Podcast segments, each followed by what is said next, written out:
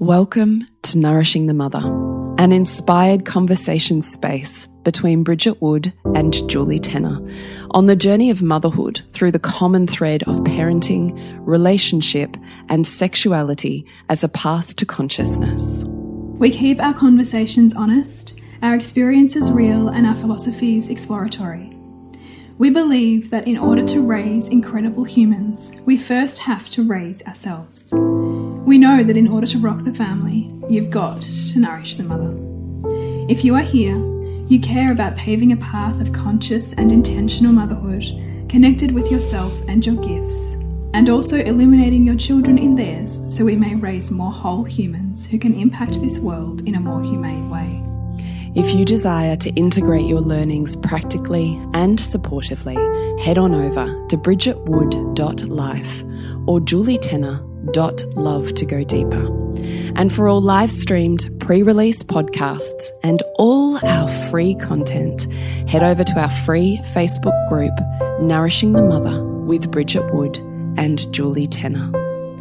We are Julie Tenner and Bridget Wood, and we are so grateful you're here. Hello, and welcome to Nourishing the Mother. I'm Bridget Wood. And I'm Julie Tenner. And today, as part of our Relationship Taboo podcast series, we're having a conversation with the beautiful Dasha Clarke on open and alternative relationships, relating and structures, relationship structures. So it's a juicy invitation into what else exists beyond monogamy. And we're very excited to listen to the experience of this beautiful woman and share in a conversation that may take us in many different directions. So before we jump into that, I'd love to remind you to jump onto nourishingthemother.com.au, scroll on down to the red banner, drop in your email address, and you are part of the email community where you won't miss a beat. So nourishingthemother.com.au.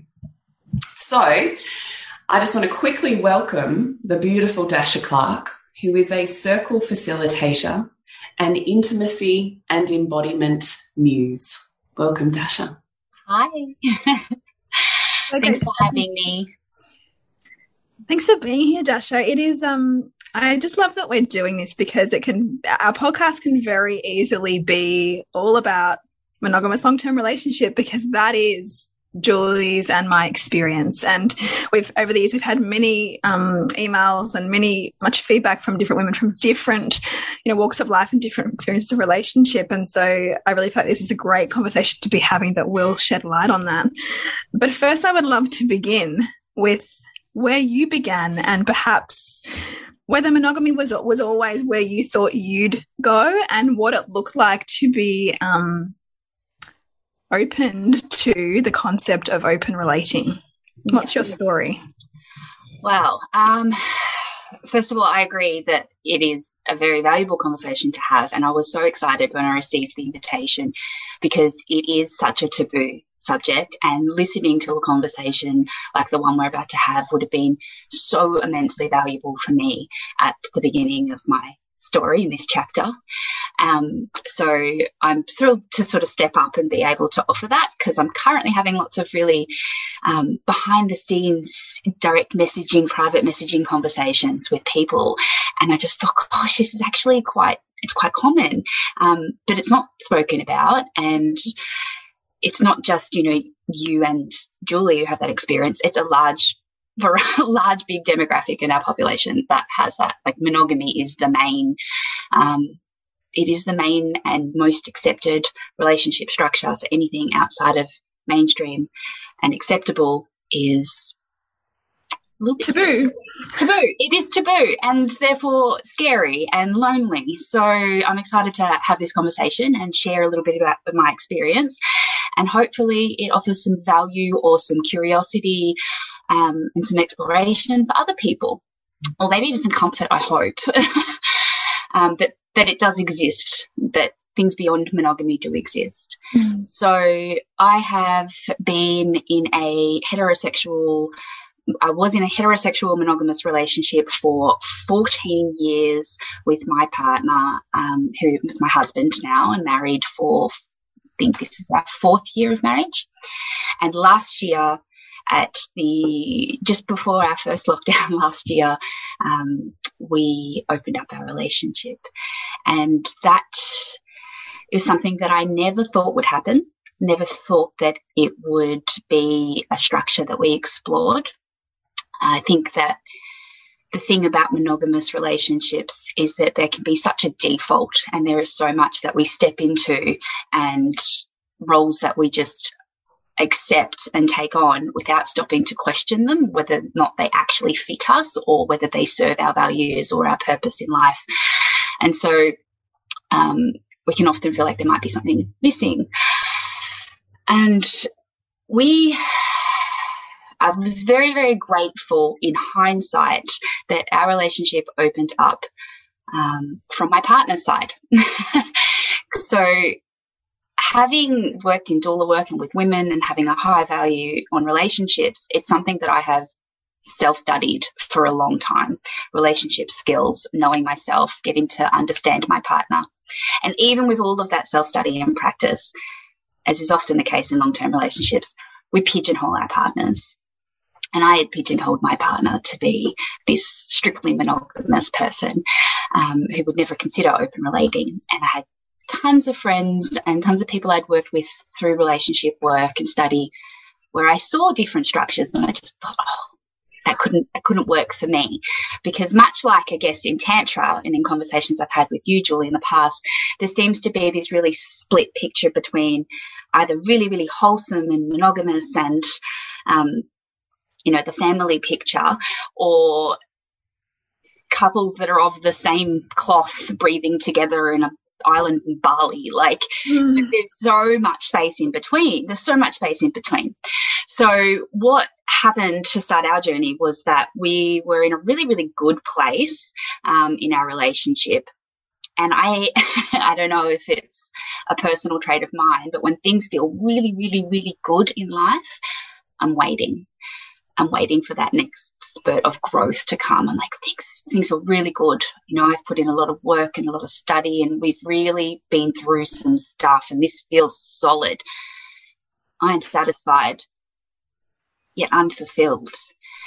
And I couldn't put a finger on what that was. So I was waiting for this next wave of growth to come. And I could not have predicted that it was in the form of um, my husband approaching me with a level of honesty that I have so much admiration for to share that he had developed some feelings for somebody and he didn't know what to do with them and where to put them. And it was confusing because his feelings for me hadn't changed in any way, but he really didn't want to not explore and experience what these other feelings were. So we had a conversation about it.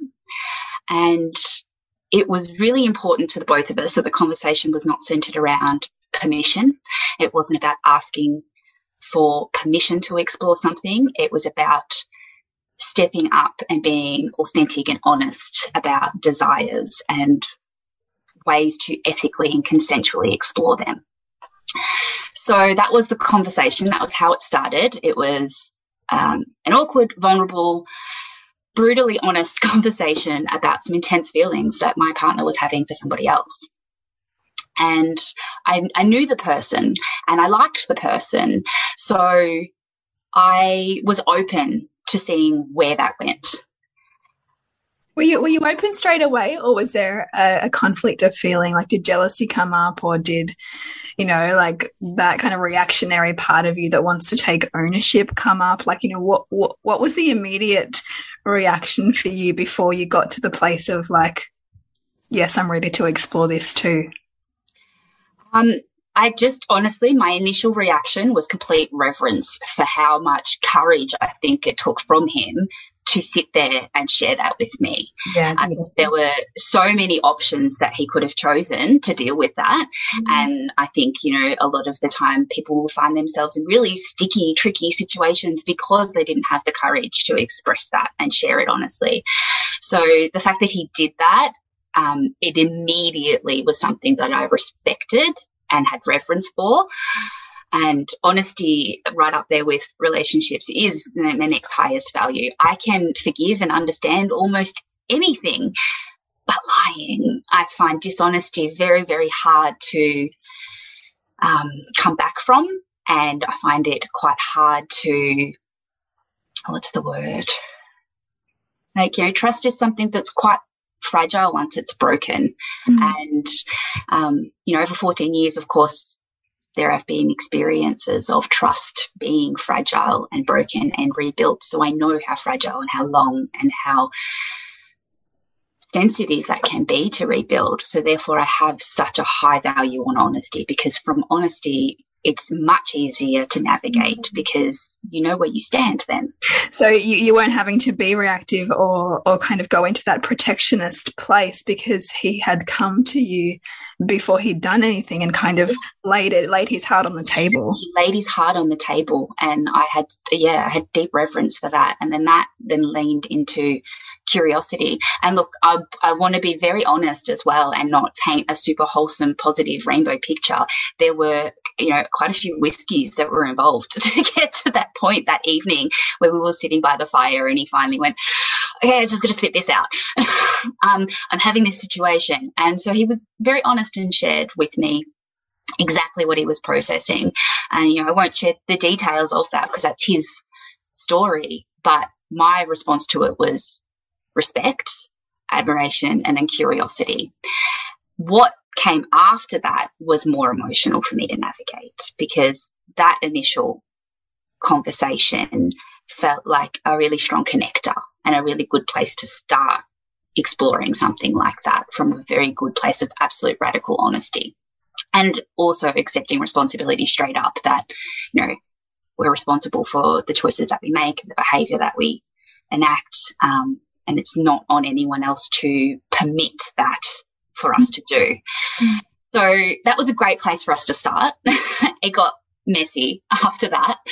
Um, and where did it go from there? What got messy? It got messy uh, because what I guess I hadn't really factored in was energy and it's just it's an attention being dispersed. And so that was very triggering for me. And at the time, I was enrolled in doing your course, Embark, mm-hmm. and it was so incredibly helpful for me because it was my anchor going through embodiment practices and mastering my own energy and taking responsibility for my desires and how I wanted to respond in any given situation I, yeah. Oh, it was there were so many times where I thought if I didn't have this course, if I wasn't learning and practicing these skills, I would be drowning. I would be drowning. So what I kept coming back to was that I was the ocean. I was the ocean. I cannot drown. I am the ocean.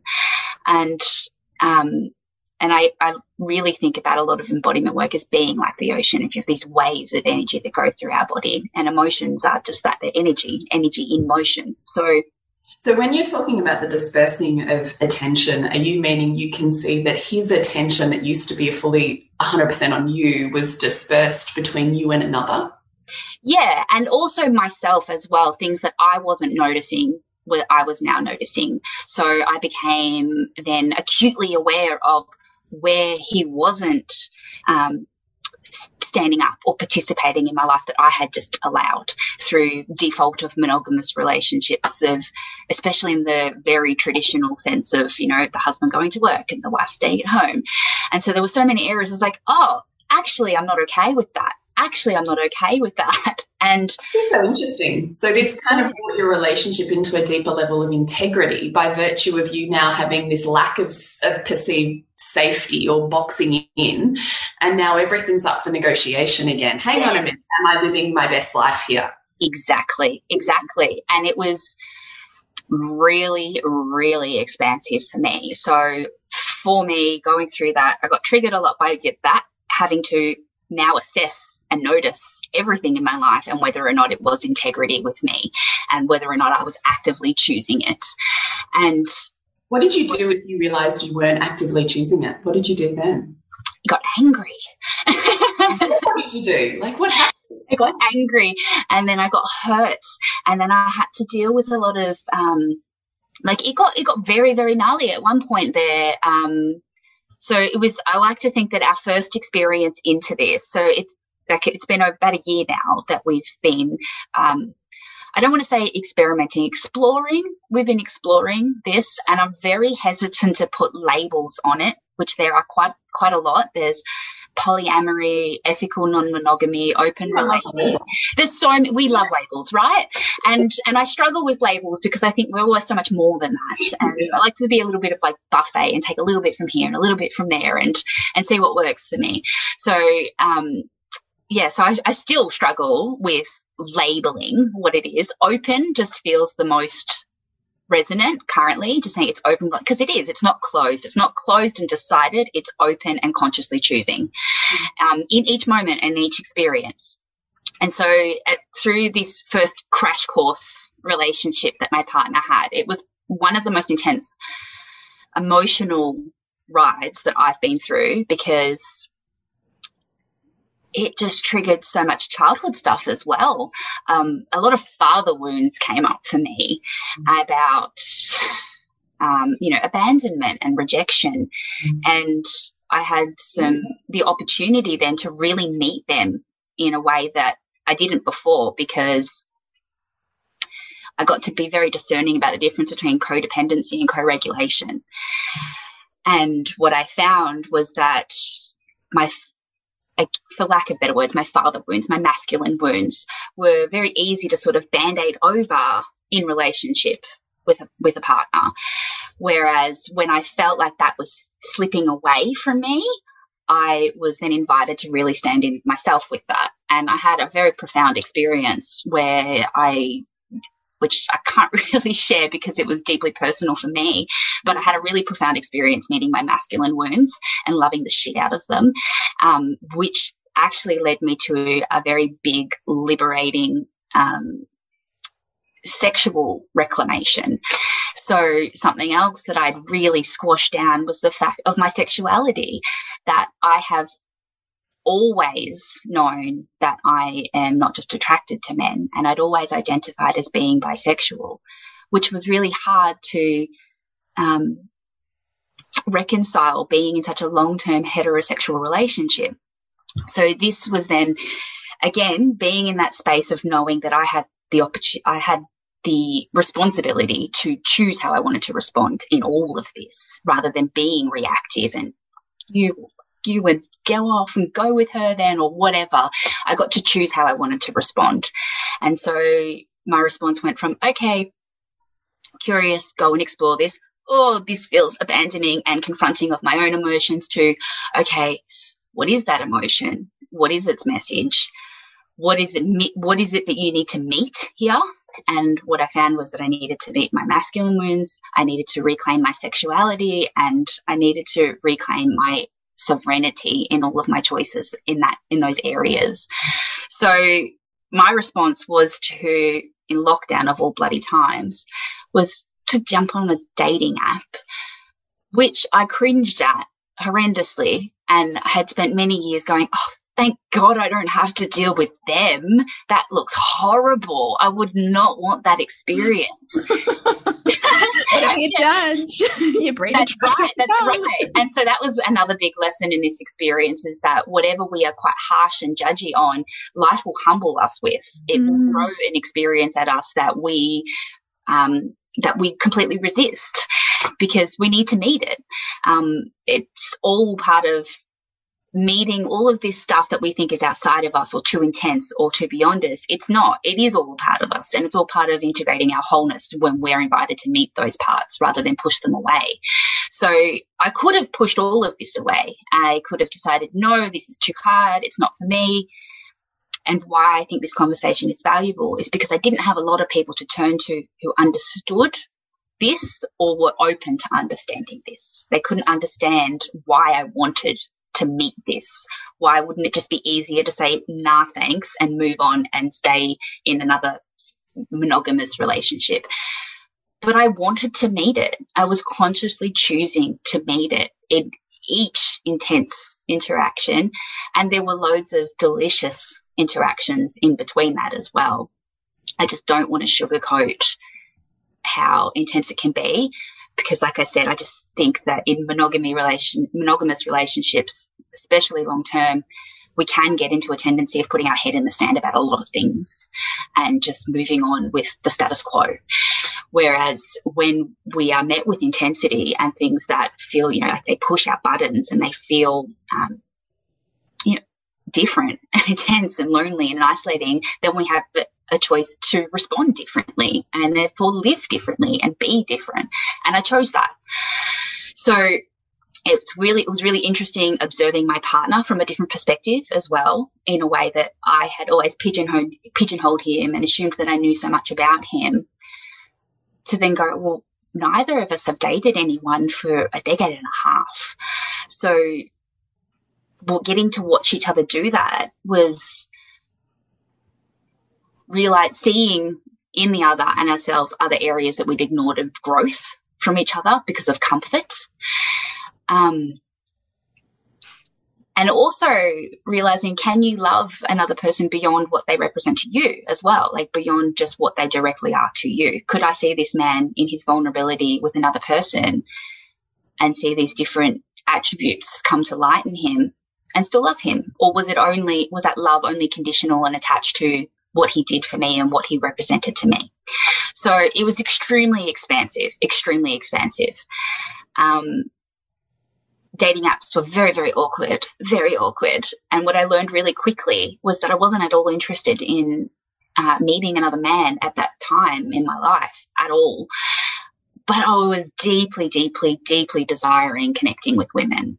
Um, one for the a part of me felt like for an affirmation of what I'd always known to be true in myself but never fully expressed and two because I felt like I was lacking a lot of experience in that area that I really wanted to have so that was the beginning chapter um, my and like I said, I the start before I think before we started recording is that I'm no expert. I would probably define myself as a courageous explorer of open relating as opposed to any kind of a relationship expert. Um, I don't think that it's better or worse than monogamy. I just think it's really important to consider alternative alternative agreements and connections that better serve us rather than not choosing and just doing. Yeah. I have a couple of questions, if that's okay with you. Yeah, go for it. So, one is as you were embarking upon exploring, and it's a very conscious conversation between the two of you, did you put in place agreements? Yeah. Yeah. Boundaries for yep. what happened outside and what happened inside, and how much you shared with each other, and what, like, did you actually create essentially contracts slash agreements that were super clear? Yeah. Not initially, no, because we didn't know what we were doing. Um, we started out with the agreement that it had to be honest and respectful. And that was all we knew. That was all we knew to begin with. There's, it needs to be honest and respectful. So please don't do anything that you would feel would be disrespecting to you or me or the other person. And please always be honest. And that includes um, deciding what you do and do not tell me. You know, you may decide not to tell me something because it feels too uncomfortable but would me not knowing that feel dishonest or respectful? Um, and so what I, that, and I think like much things in life is that we don't really know what our boundaries are until they've been crossed or pushed. And so that's, that is the basis of what all this intensity was in our initial experience was the fact that we didn't know what our fucking boundaries. Sorry, I didn't know what. It's okay. Oh, awesome. I've been holding back so much. no, no, no. Our podcast has a parental advisory warning, so you're all good. yes, my whole life needs a parental advisory warning. um, but yeah, that was the reason why I think that was so intense initially was because we were trying to learn what our fucking boundaries were and it hurt trying to learn them. And I think that if we didn't have that solid 14 years of deep work and commitment to each other where we we were committed to our family. We were committed to each other's growth. We knew we weren't responsible for each other's happiness. If we didn't have that foundation, um, I don't think that it's something would have would have kept choosing. I think that it's it. Yeah, I think that. Sorry. I was to say, what what were the agreements that you ended up coming to? Yeah. So beyond that, um, beyond going respect and honesty, we then got to points where I was hearing too much. And so then I had to decide, well, what's, what's my boundary around here is actually I don't want it affecting my family life. I don't want it distracting my attention from the priorities of our family life. Um, and then also I didn't want, um, I didn't want, and this is what I learned really quickly about there's a big difference between boundaries and rules that you can't, uh, you can't, you can do anything you fucking want, but it really is quite difficult creating rules in relationship because when you have rules, then there's no room for play or response. When you have boundaries, they are much more fluid because they're about you, not the other person. And you can't, we can't control another person, which is the biggest thing there about why we had to explore um, what became a boundary was it became actually a lot more about energetic boundaries for me was you've got, we have to be um, considerate with where our energy is going and responsible about that. And that's where it got messy because it became very hard to, to, manage and juggle and learn. Was that, you, was that, because you, sensed like, you know, him emotionally leaving you or not being present or you being caught up in pursuing something well, else? Well, here's the thing is that there's other energies involved. And so you can have boundaries that you establish, but then you will have another person who, and this is where another label I think might come in in you as well, is that they have what they I think it's referred to as tabletop polyamory, and that is where everybody is like on the on, on the same level, all in the same conversation, and it's open dialogue through everybody. And so we didn't really have that in our first run. And that's kind of where it got messy was because we could try and manage our energy and boundaries as best as possible. But there was this completely unaccounted for person that had no responsibility in our relationship. And so that became a big boundary then is whoever is invited into this space has to have a responsibility in that space. Mm. And so um, that became the boundary. Pardon? set that up? through trial and error um, and hurt and intensity. So, yeah, that was that was really tricky because we've definitely had other people involved who have not um, held responsibility or acted in integrity, and that's been really emotional, I guess, emotional. But again, those emotions being each one of those intense interactions was that invitation to level up. Well, how do we want to respond here? What's the next move? What's the next boundary? And I think it's important to keep revisiting boundaries. So for a really long time, my boundary was no friends, no friends that we, I, I don't want to have to navigate a friendship and a relationship at the same time and have that altered because my friendships are a very big part of my support network. And um, and that was a very, very firm boundary for me for quite quite some time until recently I've been reviewing it, realizing that what's about a boundary is not the same for me as what it is for my partner. It's not the same as what it would be for Julie and her partner, and it's not the same as what it would be for Bridget and her partner. You know, we have different ideas of boundaries. We have different things that we are and are not okay with. And so through again, many, many, many, many more conscious conversations, that then became a more fluid boundary of, okay, well, I understand that there is a desire for you not to necessarily meet new people, but have deepened connections with people that you may already know. Um, and so that was, yeah, again, that, that's an example of a boundary being fluid and being revisited. For me going, no, you stay away from people that we both know to wow, the world is quite large and sometimes it feels really small and we know a lot of people. and so how do how do I revisit that without feeling like I'm in, imposing a rule upon you? What what will I not do? Not can I tell you what you can't do? Um, so yeah, so boundaries again still are something that just gets revisited often, and a lot of the time you won't really know what it is until it's pushed. Mm-hmm. But so rather than um, trying to use boundaries as a protective measure or preempting and preventing shit from hitting the fan, why don't we change that conversation and flip it around to how do we upskill so when shit does hit the fan, we've got the skills to meet it? Totally. yeah. Was your uh, version of open relating to do with having sex outside of the relationship or it involved emotional entanglement? Both. It was quite funny because I thought that emotional intimacy was my um, boundary first. So like, I, th I, think I'm quite an intuitive person, and I knew that my partner had feelings for this person before he voiced them to me, and um, and so I'd already sat in this little place of discomfort before it was even spoken of. I, uh, do I feel betrayed by emotional intimacy? And I had to really sit with that because I'm very emotionally intimate with a lot of people, a lot of people. And so it didn't feel fair to decide that I didn't want my partner to do that with someone else because I know how much richness that brings into my life. So I'd already sort of sat in that discomfort, and probably that's probably why I had less of a reactive response when he initially said it because I had probably done a lot of little bit of pre work myself in that moment. Um, but yeah, so initially it was, I think my partner was seeking that emotional intimacy from other people.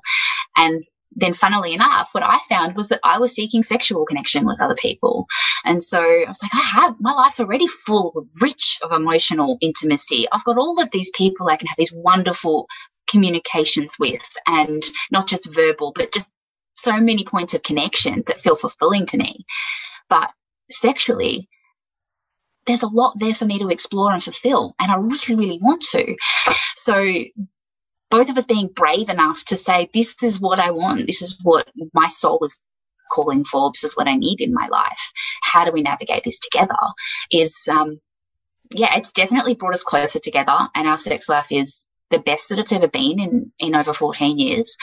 And we're still meeting different needs, which is a big point of why I'm open to still being open is that I just truly feel that one person cannot meet all of our needs and we all have different needs. And so it's on us to explore and express and meet them. And we can invite as many people as we want to do that with us. But we've got to be courageous and choose that. Mm, totally. Has it gotten messy for you in terms of your obviously parents as well? Because that's often something I find clunky is what does that look like when you're no longer just navigating yourselves as individuals and adults in the world through open relating, but essentially by virtue of being parents, you're also moving children through that experience. And as children grow with bigger awarenesses around what that looks like.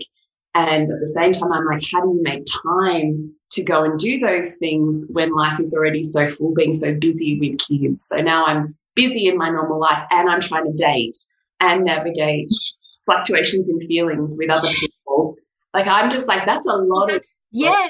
Well, that's the energy and attention thing that I was talking about earlier. So that's exactly right. That's the word that was stuck there, bandwidth. So that was my initial was like, you don't have the bandwidth for this. You don't have the bandwidth for this. Mm-hmm. Someone's asking more of you, and I'm not asking enough of you. So how are you going to meet all of this? Um, so yeah, that's definitely something that was a very fucking valid point to bring up because again bringing it back to beyond the form and beyond it being about the relationship structure it's the skills that we develop to meet that and the growth that we get from that. So when it comes to parenting um, you know it's not a conversation i sit down and have with my children oh this is what mum and dad are doing because that's an adult conversation. But learning about communication skills and repair skills and being um, honest and also responsible for our energy and behavior, like having big conversations about um, that, you know, you can feel other people's energy around you, but you have to take res responsibility for the energy that's within your own body and know about energetic boundaries. And I think those are conversations that aren't too adult to be having with children. I think that we should all be practicing that because it's a lifelong skill and we can start learning it in our youth and keep practicing till we get to a point of mastery in adulthood where it really flares up. Mm. I love this so much. I have to go because I have a client session, but I'm loving this conversation so deeply. I look forward to hearing it in the podcast replay. And you're coming into Soul Driven Motherhood for a deepened and expanded conversation. So I'm very much looking forward to sinking our teeth in further from there. So Bridget's going to carry you forwards. And I'm really like, I'm so grateful. It's such a beautiful and valuable conversation. And I appreciate so much your vulnerability and authenticity. It's really, it's a gift. So thank you. Angels. So, yeah, Dasha, Julie took us where I wanted to go next, which was looking at that, you know, how do I show up for my family, knowing that I'm kind of restructuring what um, what I bring or what we bring to the family as the leaders of this family, and what do I share and not share, and what do I what do we each call each other to account on in order in order that you're not compromising um, that focus of raising a family. Has that been a challenging one to navigate both within yourselves and also with the perceptions of others who I imagine may also have these questions of you or, or um, you know, more traditional family values might um, throw at you? Yeah, definitely. Um, I'm just going to think on that one for a second. Look, I think it is tricky, like in any sort of pursuit that we take outside of our family home, where we it, it can feel distracting while we're mastering the skills of expanding that bandwidth. Mm. Um, but I also think it's it's valuable that when we think about the family structure, what it's there for, what its purpose is for, for me, I view that as it's for creating a sense of safety and belonging in the world. And so that's our responsibility to our children is to help them have this innate sense of safety and belonging. Mm-hmm. And so that goes beyond any form. Mm-hmm. So it doesn't matter what the relationship status is of the parents if the skills and the sensations of feeling safe and belonging are there and continuously being cultivated, that's what's more important than how many people mum and dad love. yes, I really love that you've gone there because it's it's so true. And I mean, even even in in conversations and discussions around divorce, it's like children can get through that if parents handle it well. Exactly, and also a really really big big maybe too profound of a statement to make is that the, the love is just it's not finite. It's not finite. And i think that's really valuable to teach children. Um, and even just in the context of children you know when you have a second child you don't love your first child any less. You know mm-hmm. there's there's more love.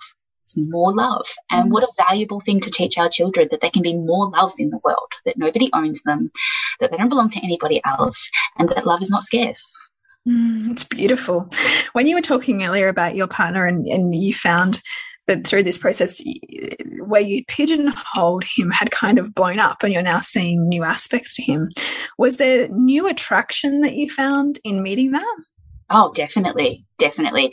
Um, there was both because it's, always attraction, both. Attraction and repulsion yeah, if we actually look properly at things, it is always both, right? Yes, so yes. it's definitely like my our, our sex life went through the fucking roof because the level of intimacy that was being cultivated through these constant, honest, vulnerable mm. conversations was very desirable to me like that and, and, and desire and i guess the birthplace of desire is in mystery and so if there's no mystery then there's no desire so in fact this whole process has unlocked mystery a hundred percent a hundred percent um and the other point that I had um, just floated out of my brain space. Oh.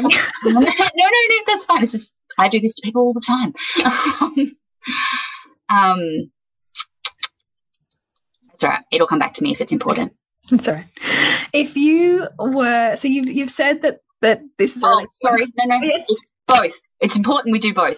Yes, there was mystery and more desire, but there were also aspects of him that I had to revisit the judgments. Like, you're not dating how I would date. I wouldn't do that in a situation. Mm. Why are you behaving like that? That's not how you do it.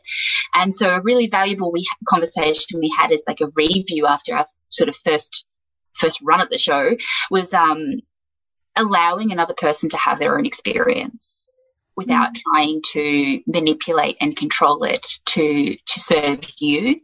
Um, but just allow, which is very, very hard when you have built a whole life with someone as a shared experience yeah. to then allow them to have their own, especially, especially when you can see aspects of it that they can't, or you're experiencing something from it that they're not.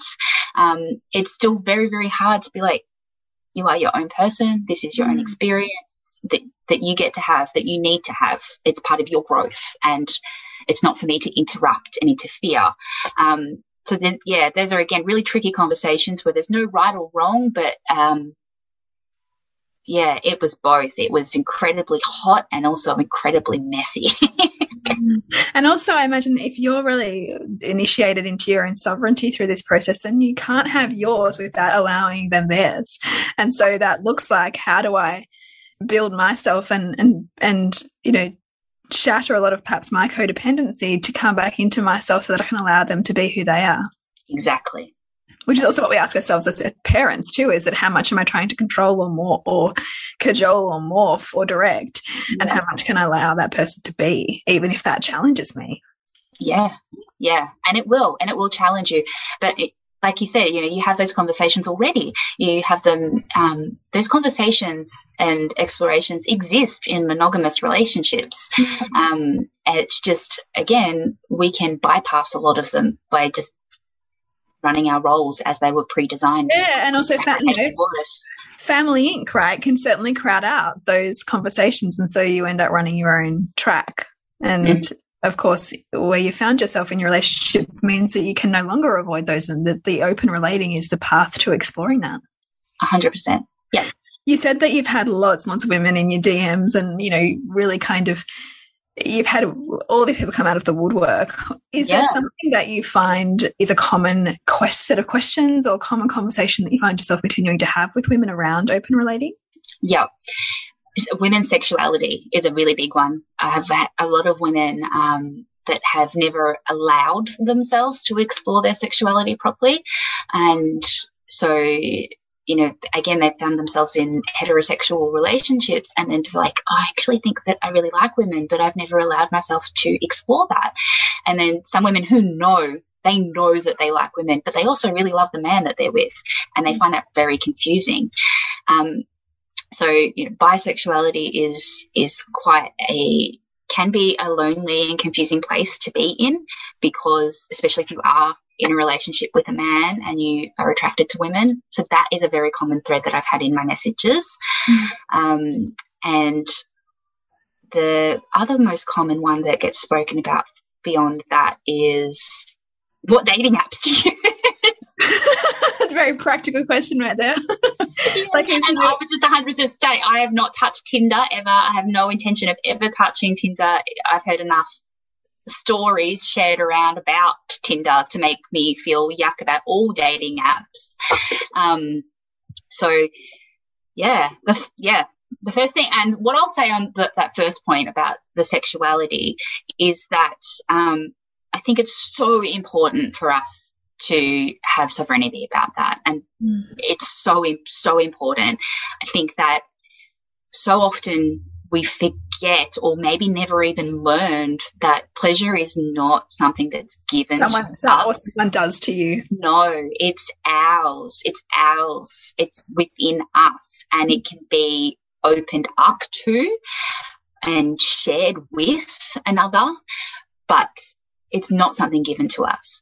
Mm. So it, we have to be we have to explore that. We have to be courageous and explore that because no one else is going to discover it for us. Um, Is there a way that you ask I, men to do that? Who, who contact you? Uh, yeah, I do. I think that even just talking to other women on a dating app is incredibly valuable. And mm. I know that from experience because the, when I started on the dating apps, which to the second question, Bumble is the one that I use. Uh, Bumble. Um, Bumble. And I I will give that like a little bit of a, a, mention because what I found really good about that was that women message first. Men don't allowed to message another woman unless she has instigated the conversation, which mm-hmm. for me felt quite safe. Um, I didn't want to chuck myself out there in the open and be on the receiving end of a bunch of messages that I had no filter over. Yeah. So, so Bumble feels if you're a woman who's a little bit intimidated by dating apps and you'd like to talk to some other men or women, Bumble is my recommendation. There's many others I'm not super experienced with, but I've had some luck with that one. Um, and so, yeah, so back to that first one, in exploring that, I think that even just having conversations with other women who do know more about their sexuality, who have a little bit more experience, so that you're able to see and imagine bigger and more than what you're in. So much like the conversation we're having now, this might be someone who is in a very happy heterosexual relationship listening to this and going, but I know there's more mm. to me that isn't uncovered and I'm not doing a justice to my existence by ignoring that. And how long can I really ignore that for anyway? Mm. So, um, yes, starting point is always starting with conversations, awareness and then conversations. Yeah, beautiful.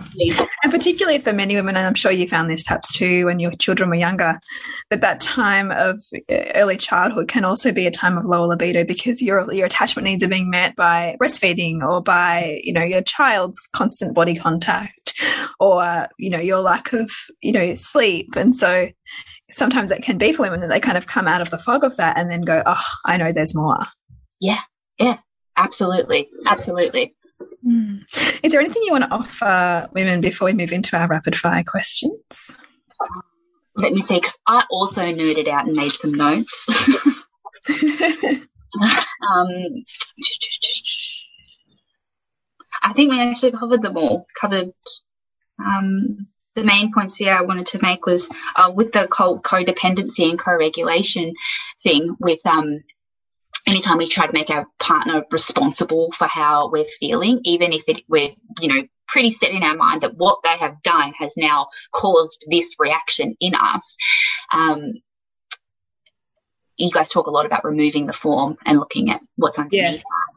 And so, w- what I would find then is that a very important marker for me to distinguish between the two was that codependency was when I was in parenting mode, either because I was craving parenting or because I was doing the parenting. So you are either craving being parented? Yeah. So I was either yeah. looking to my partner to fulfill whatever my father didn't or yeah. mother didn't, yeah. or I was mothering or fathering them.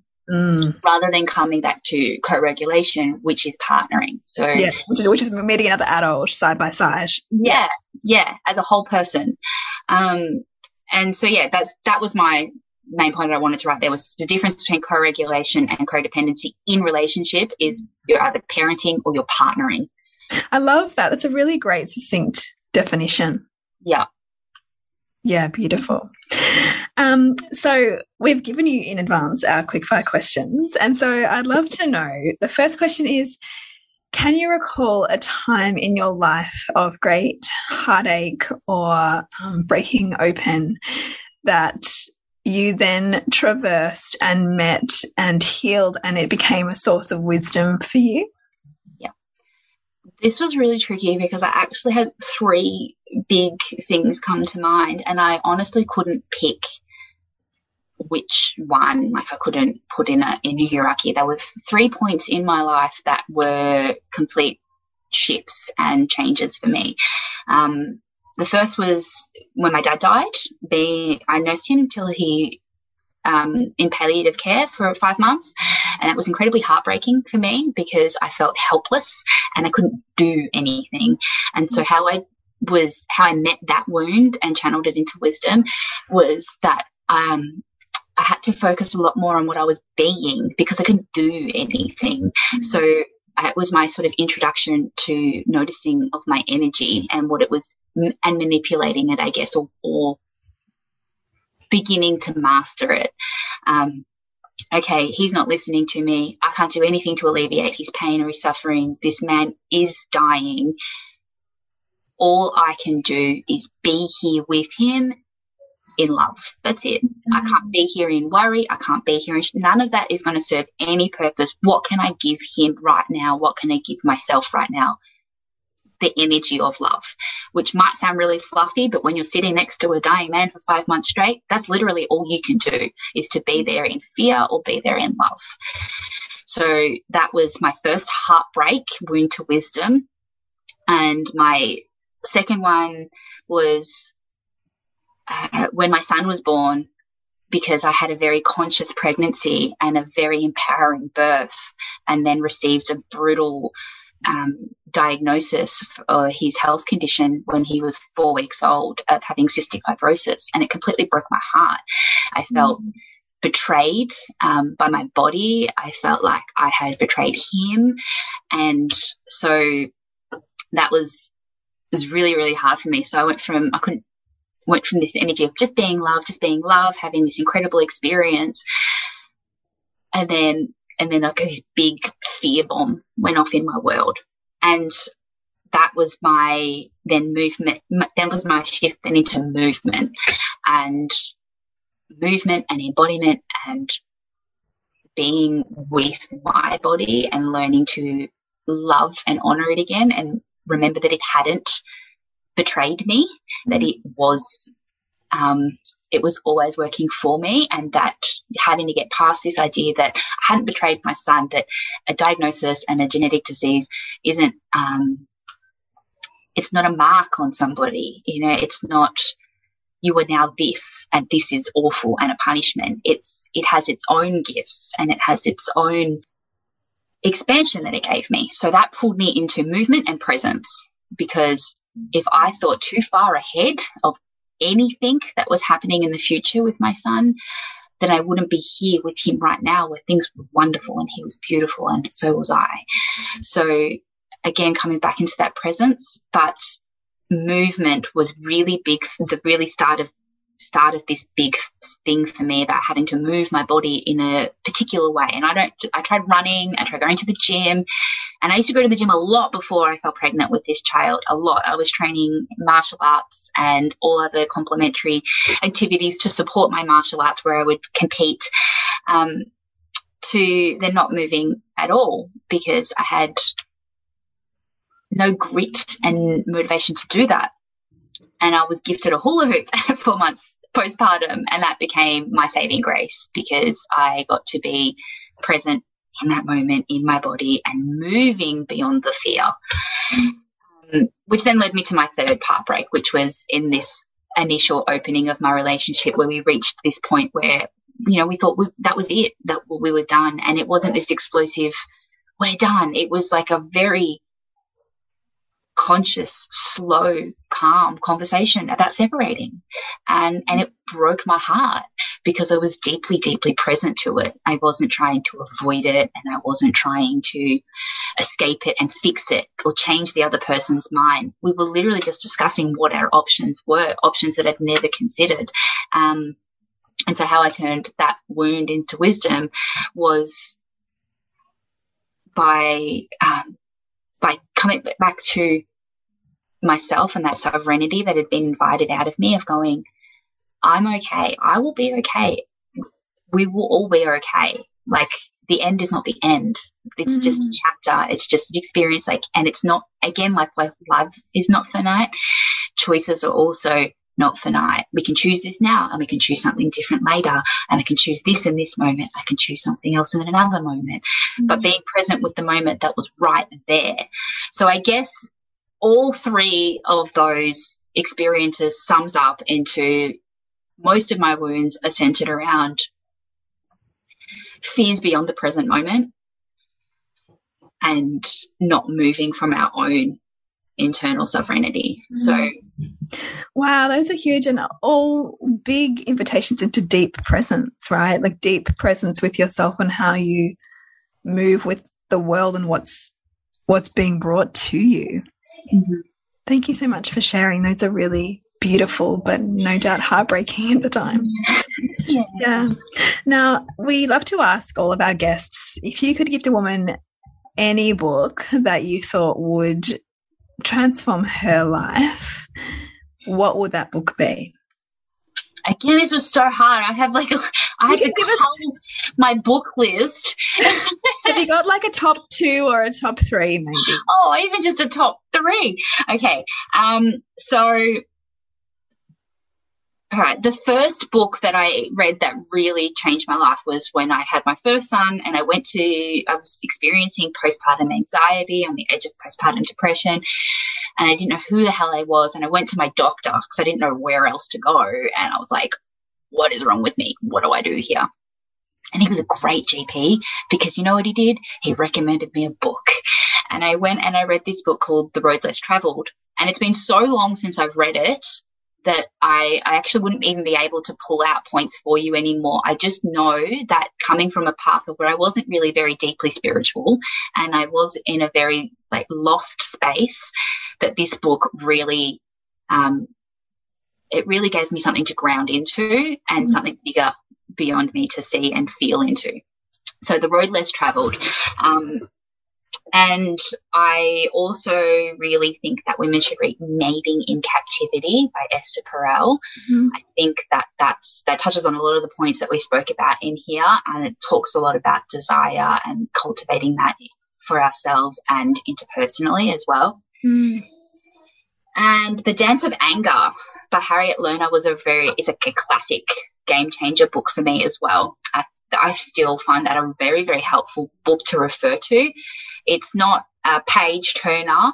Um, yeah, it's more of a technical kind of book, isn't yeah, it? Yeah, it is. It's, and that's why it's something that it's good to refer to. It's not something you really sit mm. down with a cup. You don't. You don't immerse in it. You kind of no, no. It's it's work. It's work, um, and so that's why I think it's really valuable. I think books are extremely valuable for working on ourselves and mm. working on our relationships because it takes away so many of our defenses and we get to absorb so much wisdom from other people's lived experiences mm. when we read a book. So I literally had a book here of uh, like a t- and I culled this list and it's down to 10. Um, um, and so maybe I'll just add t- two more. A couple more, sure. Okay. So I'll also add Becoming Us by Elly Taylor um, because I think especially in early family arrangements when you are finding uh, family dynamics out initially and trying to understand that with no background. This is an excellent book for that. Um, I actually did Elly Taylor's training, and that was where my relationship background came from. I was working mm. as a postpartum relationship doula, helping couples on the verge of separation, going, I don't know you anymore. Going, no, you don't, because you're new versions of each other. And so, what a beautiful gift. Yeah. So this book centers around that, about how to very practically explain and navigate and understand um, shifting family dynamics when we become family. Mm. And then from one to two to five to seven children, it changes each time. So that's a really valuable book for a, probably a lot of people in soul driven motherhood. Um, and I'll just add one more because again, referring back to like exploring our sexuality and our sensuality, Urban Tantra by Barbara Carrell, I think, or Carrellas. Um, it's a it's a huge book, but it's great. It's great. It's so good. Um, and I like it because it takes traditional Tantra philosophy of energetic dynamics and polarity and gives us a really practical exploration of how that manifests sexually and how mm. we get to explore that ourselves. And there's a lot of stuff in there that you are invited as activities to do on your own and play with. So it's not just um, valuable for a greater understanding of energy, but it's also really valuable for an exploration of your sexuality. Mm, that sounds great. Mm. Thank you. And now, finally, if you could have a billboard on any super highway, what would it say? Oh man, this was hard. This was hard. I actually put this up in my stories. So I was like, oh, what would people expect me to say? um, and someone replied, follow your pleasure. Somebody else replied, don't look at me, you're driving. Um, so I like that one. yeah, yeah, yeah so I'm going to go with that one. If I was on a billboard on the highway, I would say, "Don't look at me, you're driving." Driving, which is which is in which is in some way part of your work, which is pushing you back into yourself, right? Exactly. Exactly. Come back into yourself. yes, exactly, exactly. Mm-hmm. Um, and I think I, I just wanted to round that off on that whole point of yes, that I a lot of my work is deeply centered on being within myself and acting from that space of my own internal authority, mm. um, which at times has definitely pushed, I've definitely found myself like going from interdependence to fully independent, which is part of my childhood trauma responses. Yeah. Um, so, so being consciously entering into an open relationship allows me to revisit that and realize actually I'm not this hyper independent person who does everything by herself. Mm. I am interdependent. It, I have responsibility for my own internal stuff that's going on here, but gosh, it's so valuable to, to have safe relationships mm. to explore that with because that's how we grow and how we know ourselves yeah so yeah i want to keep exploring that and keep getting to know myself and other people better Mm. Oh, this has been such a beautiful conversation, Dasha. Thank you so much for coming on the podcast. Oh, thanks for having me. I'm really excited to actually get to have this conversation on, yeah. a, on a broader platform because there's only so much my little thumbs can type in messages. oh, I'm sure it has really just touched a lot of women and opened up some curiosity that perhaps they hadn't hadn't looked at themselves or maybe took them deeper, which is what we really hope for too. Now, you will be coming into Soul Driven Motherhood, which I think is on the 29th of July, June. June? Yes. Yes. And you'll be do, taking us deeper as a group into some um, exploration around open relating or just around yourself, um, which then leads to to those conversations. So we're looking forward to that. And how can women connect with you? Uh, you can find me on my website, which is pretty easy, dashaclarke.com, and all social media. And I'm pretty active on Instagram. So if you want to pop over there and send me a message, if you've got a question, want to have a chat, or just see what my vibe's about, there you will find me. And again, it's pretty easy. It's at Dasha Clarke. Beautiful. Now, to connect with us, it's nourishingthemother.com.au. To connect with Julie, it is julietenner.love. And to connect with me, it's bridgetwood.life. Remember to nourish the woman, to rock the family. And we will see you next week when we continue to peel back the layers on your mothering journey. Thank you so much for listening. We literally couldn't do this without you. Please share this podcast with anyone you think it would be medicine for. If you desire to integrate your learnings practically and supportively into your life, then head on over to bridgetwood.life or julietenner.love to go deeper. And if you feel like giving back a little to this free content, please rate us on iTunes or Facebook, all of which helps the podcast reach more mamas who need this type of tonic for the soul.